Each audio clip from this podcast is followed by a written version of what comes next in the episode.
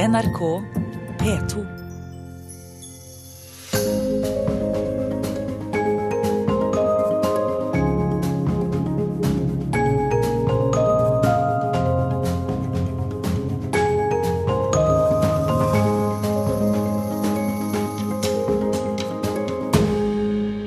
Velkommen til Juli P2. Mitt navn er Kristin Clemet. Jeg leder en tankesmie som heter Civita, som har til formål å bidra til økt forståelse for liberale ideer og verdier. Vi arrangerer møter, utgir pamfletter, tilbyr kurs og seminarer, og deltar aktivt i samfunnsdebatten, bl.a. om spørsmål knyttet til velferdsstatens fremtid, valgfrihet, demokrati og rettssikkerhet. En tankesmie verken kan eller skal erstatte de politiske partiene men vi kan være et supplement fordi vi har muligheten til å tenke litt mer ideologisk, prinsipielt, kontroversielt og langsiktig enn partiene kan. De må ofte tenke på neste valg og ta stilling til mange enkeltsaker, mens en tankesmi ikke har så mange slike hensyn å ta. Også mange som er aktive i de politiske partiene, syns derfor det er fint å ta del i våre aktiviteter. Jeg kommer fra en familie som var politisk engasjert. Både faren min og moren min var, og er fortsatt, veldig samfunnsinteressert. Det var alltid bøker, nyheter, aviser og diskusjoner i vårt hjem, og man måtte nesten være blind og døv for ikke selv å bli engasjert. Men jeg syns da jeg var ung at det var litt flaut bare å melde seg inn i samme parti som mine foreldre var medlem av. Derfor følte jeg meg ekstra provosert til å finne ut hva jeg egentlig mente selv, før jeg tok skrittet inn i politikken. Fremfor å lese de vanlige partiprogrammene, leste jeg prinsipprogrammene, altså de programmene som forteller om de grunnleggende verdiene partiene står for. Noe av det som til slutt avgjorde mitt partivalg, var troen på likeverd og alle menneskers rett til å være eller velge annerledes enn andre. De politiske forskjellene er mindre i dag, men jeg anbefaler fortsatt politisk søkende mennesker å lese prinsipprogrammene. Man behøver ikke forstå alt som står der, det holder å kjenne etter om man føler seg hjemme, i språket og i de verdiene som fremheves. De kan i alle fall gi en viss veiledning om hvor man står politisk. Politikk handler grunnleggende sett om å forsøke å skape en bedre verden. Det kan være delte meninger om hva som er og hva som skal til for å skape et bedre samfunn, men jeg tror de fleste som engasjerer seg, gjør det fordi de brenner for noe, enten det er fred på jorden eller en bedre skole. Jeg har lyst til å bruke denne timen til noe av det jeg syns har vært mest spennende med politikk, nemlig å utforske og diskutere de verdiene og ideene som ligger til grunn for standpunktene våre.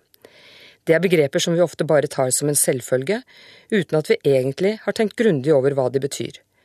Jeg har neppe noen fasitsvar, men jeg håper at jeg kan stimulere tanken og nysgjerrigheten hos deg som lytter.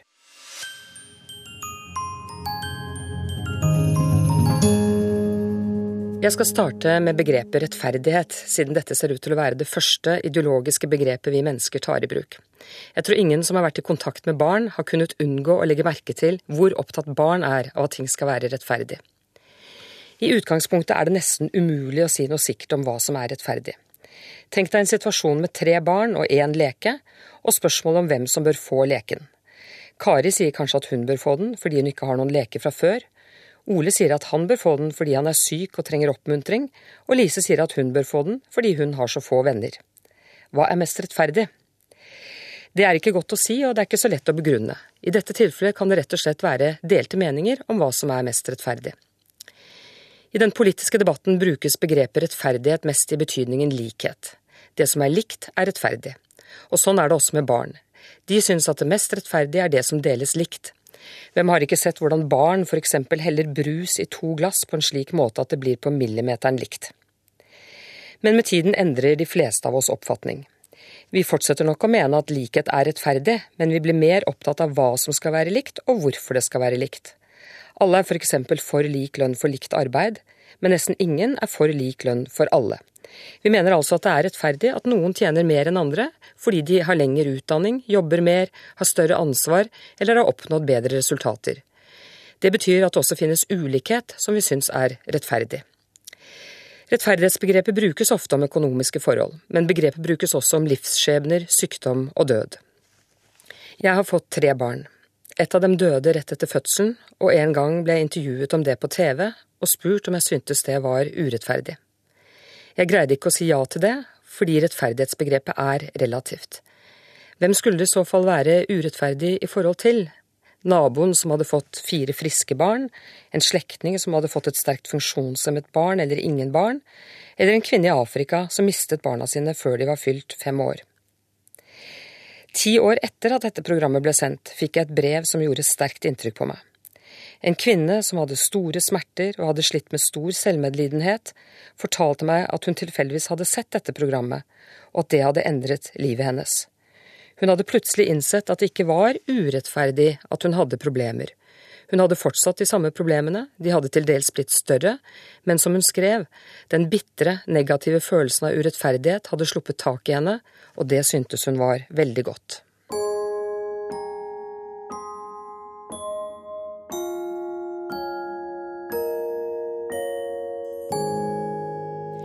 Rettferdighetsbegrepet henger nøye sammen med begrepet likhet, men også likhet kan bety flere ting. En betydning kan være likebehandling, at vi skal behandles likt uansett hvem vi er og hvor vi kommer fra.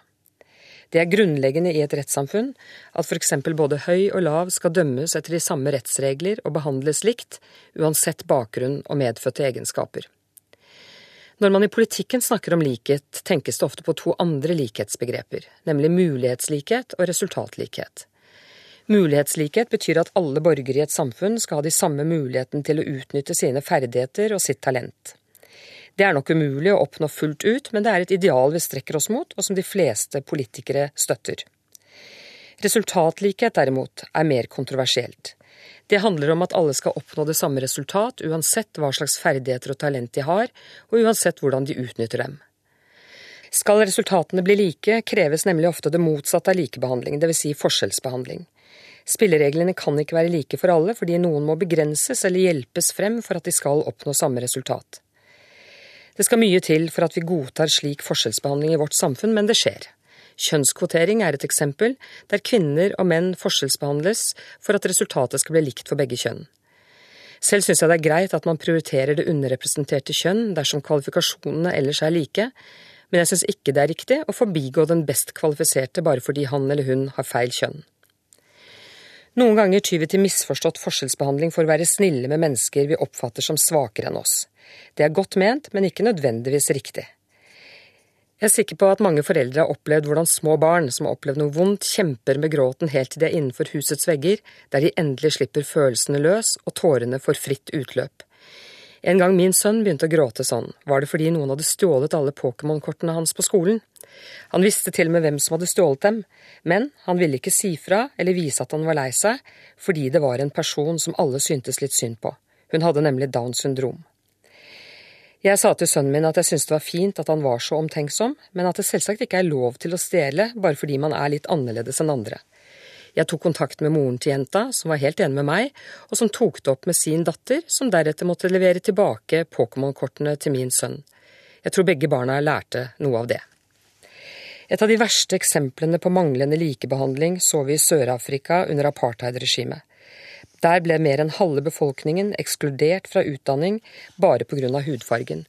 I år er vi blitt minnet om det i forbindelse med Nelson Mandelas bortgang. Likhet nevnes ofte sammen med begrepet frihet, men hva er frihet, og hva slags frihet er viktig i et liberalt demokrati?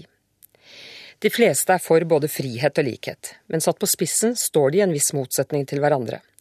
Hvis vi insisterer på full likhet, vil vi miste friheten, og hvis vi vil ha full frihet, får vi også ulikhet. Den mest grunnleggende verdien er frihet. I liberale demokratier er frihet regelen, mens forbud er unntak som må begrunnes. Friheten er nemlig ikke noe vi får, men noe vi har fordi vi er mennesker. Vi har f.eks. ytringsfrihet og religionsfrihet, og dette er grunnleggende friheter som ingen har rett til å ta fra oss. I 1892 fantes det, strengt tatt, ikke et eneste ekte liberalt demokrati i verden, siden det først var i 1893 at New Zealand ga kvinner stemmerett. I 1950 var det, i henhold til en årlig indeks fra Freedom House, 22 liberale demokratier i verden. I 2012 var det 87 liberale demokratier i verden, som dekket til sammen 55 av verdens befolkning. Det går fremover, men fortsatt bor altså 45% av alle mennesker på jorden i det som klassifiseres som ufrie eller bare delvis frie land. Mange av dem kan ikke tro det de vil, ikke si det de vil, ikke kjempe for det de tror på, uten å risikere livet, fordi autoritære og totalitære ledere er redde for å miste kontrollen. Frihet er, grunnleggende sett, friheten til selv å velge hvordan vi vil leve våre liv. På noen områder er valgfrihet selvsagt i et demokrati. Ingen kan f.eks. For forestille seg en situasjon i dag der vi bare kunne velge ett parti, én nyhetskanal, én religion eller én ektefelle. Det må være flere konkurrerende tilbud for at valgmuligheten skal være reell. Men selv om dette er selvsagt, er valgfrihet kontroversielt på mange andre områder. Muligheten til f.eks. å velge skole, sykehjem eller hjemmehjelp er fortsatt omstridt. Mange mener at valgfrihet på disse områdene vil lede galt av sted, og at valgene derfor må tas av noen som vet bedre enn oss hva som er gode og, i gåseøyne, riktige valg. Selve tankegangen er litt illiberal, siden valgfriheten bare kan ha verdi dersom vi også aksepterer at noen foretar feil eller dårlige valg. Men friheten har grenser, og diskusjonen dreier seg ofte om hvor grensen bør gå. En stortingsrepresentant for Venstre skrev for en tid tilbake et innlegg om 21 ting, altså forbudte ting, vi kan tillate. Det dreide seg om alt fra aktiv dødshjelp og surrogati via alkoholreklame og rasistiske ytringer, til søndagsåpne butikker og muligheten til å drikke vin i park. Alle skjønner at mye av dette er kontroversielt, og at debatten om frihet derfor aldri tar slutt. Etter min mening er det jakten på trygghet som nå er den største trusselen mot friheten. Den stadig mer omfattende overvåkningen er både en trussel mot friheten og mot rettsstaten. Retten til å vite seg usett og til å være privat er en forutsetning for å kunne være et fritt og helt menneske. Og retten til å være ansett som uskyldig inntil det motsatte er bevist, er en viktig forutsetning for et liberalt demokrati. En gang jeg var på reise i Tsjekkoslovakia, før muren falt, traff jeg en tsjekker som tilsynelatende snakket nesten perfekt svensk.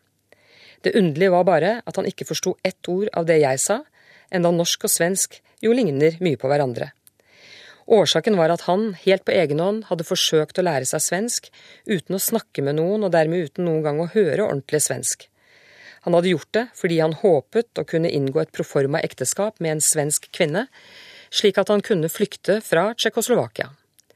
Familien hans var overvåket og trakassert, og han selv ble nektet adgang til videre utdanning med en falsk påstand om at han ikke hadde passert en opptaksprøve.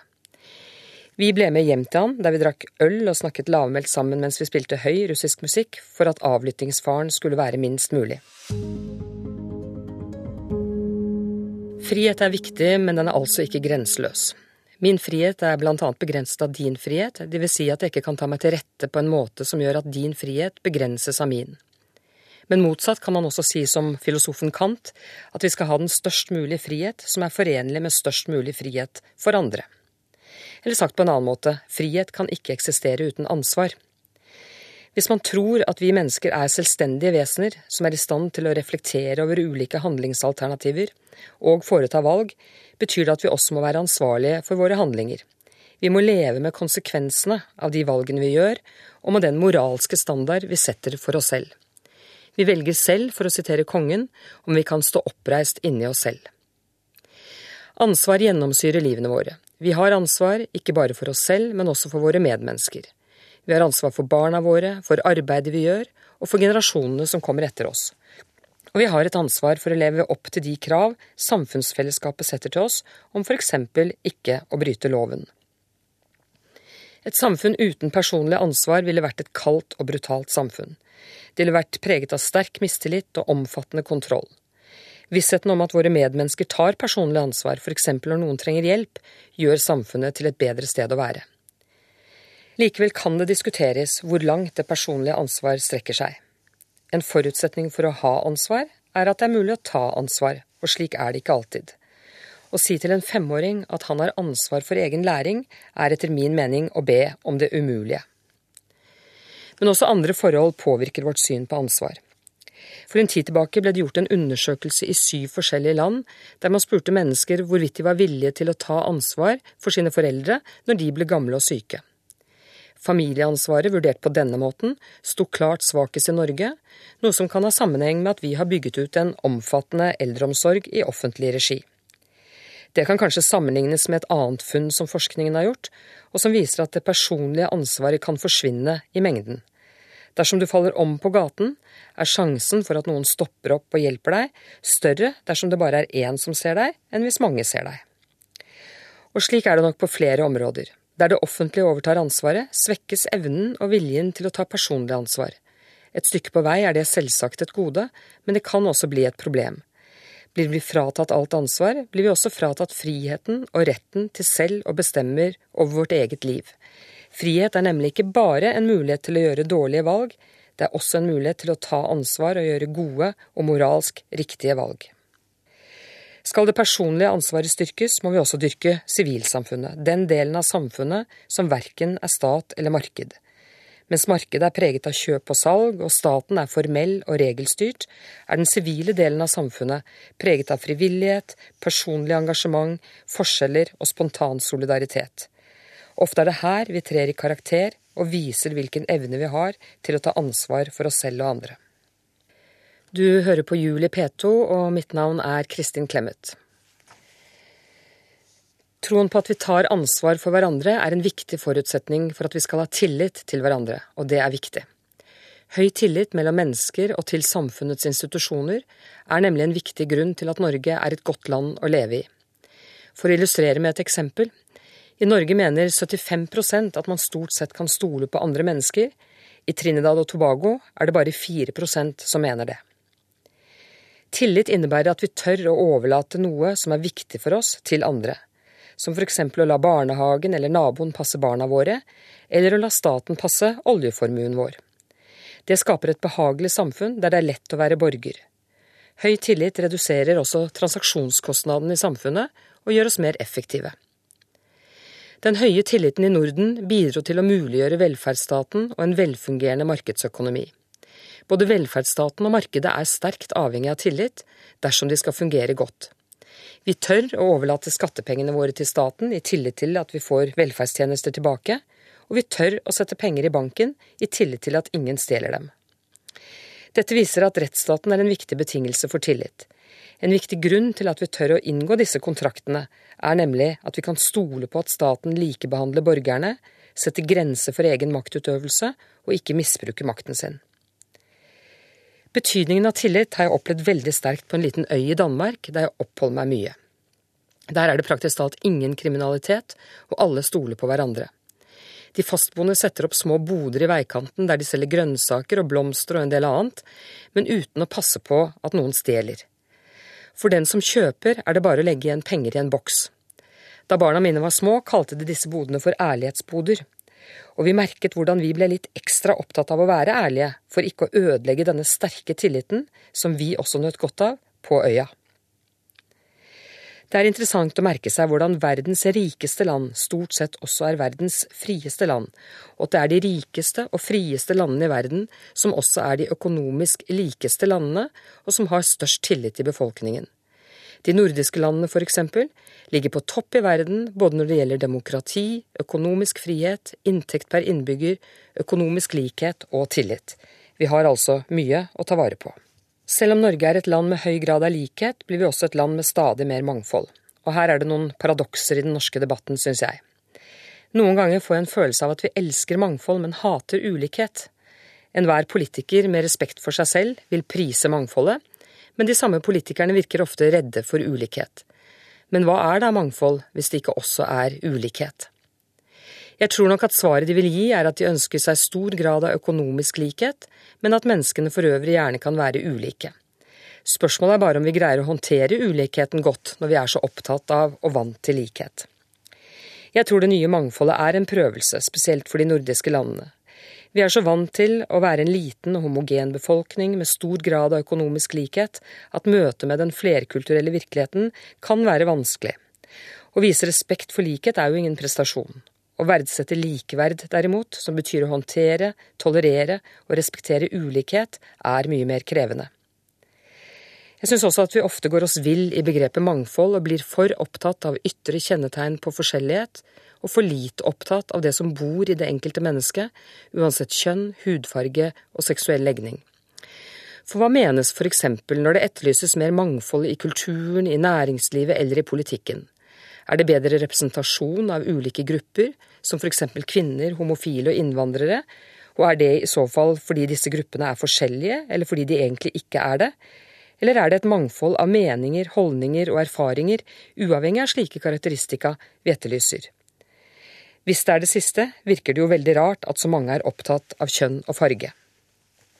Rundt bordet på julaften i min familie er det et veldig stort mangfold. Vi er både unge og gamle, kvinner og menn, homofile og heterofile, mørke og lyse, innvandrere og innfødte, kristne og muslimer, med og uten funksjonshemninger, og vi er fra Oslo, Trondheim, Ålesund og Harstad. Men hvor stort er egentlig mangfoldet, hvis alle stemmer på samme parti? En av utfordringene for vårt samfunn i årene som kommer, er å opprettholde og skape sterke fellesskap av mennesker som ytre sett er mer mangfoldige, og som lever og mener mer mangfoldig enn før. Er det mulig? Jeg tror det. Fellesskap er et begrep som brukes mye i den politiske debatten. Noen snakker om fellesskapet i bestemt form entall, og da brukes begrepet som et synonym for staten eller det offentlige. Andre snakker om fellesskap i ubestemt form fordi de mener at det finnes mange forskjellige og minst like viktige fellesskap, ikke minst når samfunnet blir mer mangfoldig. Og det er i de små fellesskapene, i familien, vennekretsen og i lokalsamfunnet, at de aller viktigste verdiene skapes. Vi har store forventninger til staten som problemløser i Norge, men staten kan ikke gi oss alt. Den kan gi oss penger og barnehageplasser, men den kan ikke gi oss helse eller lykke. Den kan bidra til å skape forutsetninger for velvære og god helse, men staten kan verken trøste oss eller gi oss en klem. Nylig ble det foreslått at kommunene bør få et økt ansvar for å bekjempe ensomhet blant eldre mennesker. Visjonen var at de skulle lage ensomhetsplaner, som skal inneholde rutiner for å oppsøke alle eldre på bestemte tidspunkt. Det er kanskje vanskelig å være imot et slikt tiltak, men jeg tror det er viktig å finne en fornuftig balanse mellom hva som skal være det offentliges ansvar, og hva som skal være vårt personlige ansvar. Jeg tror fortsatt det er en viss forskjell på å få besøk fra kommunen og å få besøk fra familien eller en venn. Eller for å ta et annet eksempel, spiller det noen rolle om barna er sammen med en førskolelærer eller med mor og far? Er det noen forskjell? Ja, det er i hvert fall én vesentlig forskjell. Lærere og førskolelærere skal, etter beste evne, forsøke å se barna objektivt. De skal forsøke å like alle barn og alle elever like mye. Det er ikke lett, det skjønner alle, men det er faktisk oppdraget. Men de får det ikke alltid til. Undersøkelser viser at lærere liker medgjørlige elever bedre enn de som er bråkete, og at de liker snille piker bedre enn urolige gutter. Og utviklingen starter visstnok allerede i barnehagen. Fysisk aktive gutter med i gåseøyne altfor mye energi kan bli et problem. Rolige innesysler og strenge begrensninger av uteleken gjør derfor at jenter blir sosiale vinnere allerede i barnehagen. Med foreldre er det som regel helt annerledes. De ser sine barn subjektivt. Om de har urolige eller medgjørlige barn, spiller ingen rolle. Foreldre flest elsker sine barn overalt på jorden, enten det er på grunn av deres kvaliteter eller på tross av deres problemer. Dermed er det forskjell på å være ansatt for å ta seg av andres barn, og det å være sammen med sine egne barn. Det vet ikke minst lærerne selv, som helt sikkert har andre følelser i møte med barna på jobben enn de har med barna hjemme. For barna er det selvsagt en kjempestor forskjell på å bli elsket og å bli profesjonelt likt. Er det viktig å bli elsket, er det derfor også viktig å være sammen med familien. Politikk handler om å forsøke å skape en bedre verden, og heldigvis blir verden på mange områder stadig bedre. Det er stadig færre som dør unge, og det er flere som lever lenger. Det er færre som er ekstremt fattige, og det er flere som opplever lykke. Krig er blitt sjeldnere, og færre dør i krig. Omfanget av mord og voldelig kriminalitet i verden er i fritt fall. Det er mindre rasisme og diskriminering enn det var før. Vi har fortsatt problemer, men historien har også vist oss at problemer som er erkjent, kan løses. Derfor er det grunn til optimisme. Jeg heter Kristin Clemet, og jeg ønsker deg riktig godt nytt år.